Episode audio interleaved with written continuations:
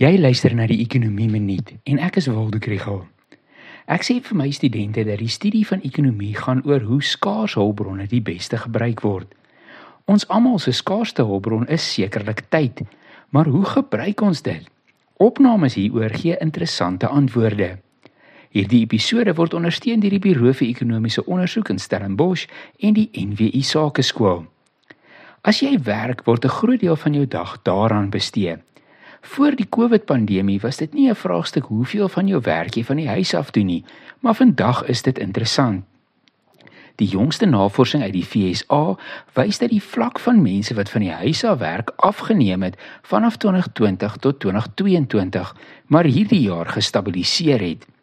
Dit verskil volgens bedryf en tipe werk wat jy doen.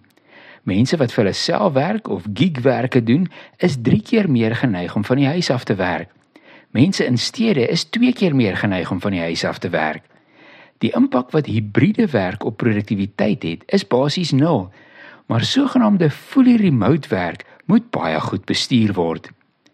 Wat doen mense dan in hulle vrye tyd? Weereens in die FSA is die minute bestee aan verskillende aktiwiteite per dag soos volg. TV kyk neem so 2 ure 47 minute in beslag. Rekenaarspeletjies kom in op 34 minute. Sosialisering is ook so 34 minute. Oefening 20 minute en lees 16 minute. Die laaste stukkie interessantheid is hoe baie ryk mense hulle tyd bestee.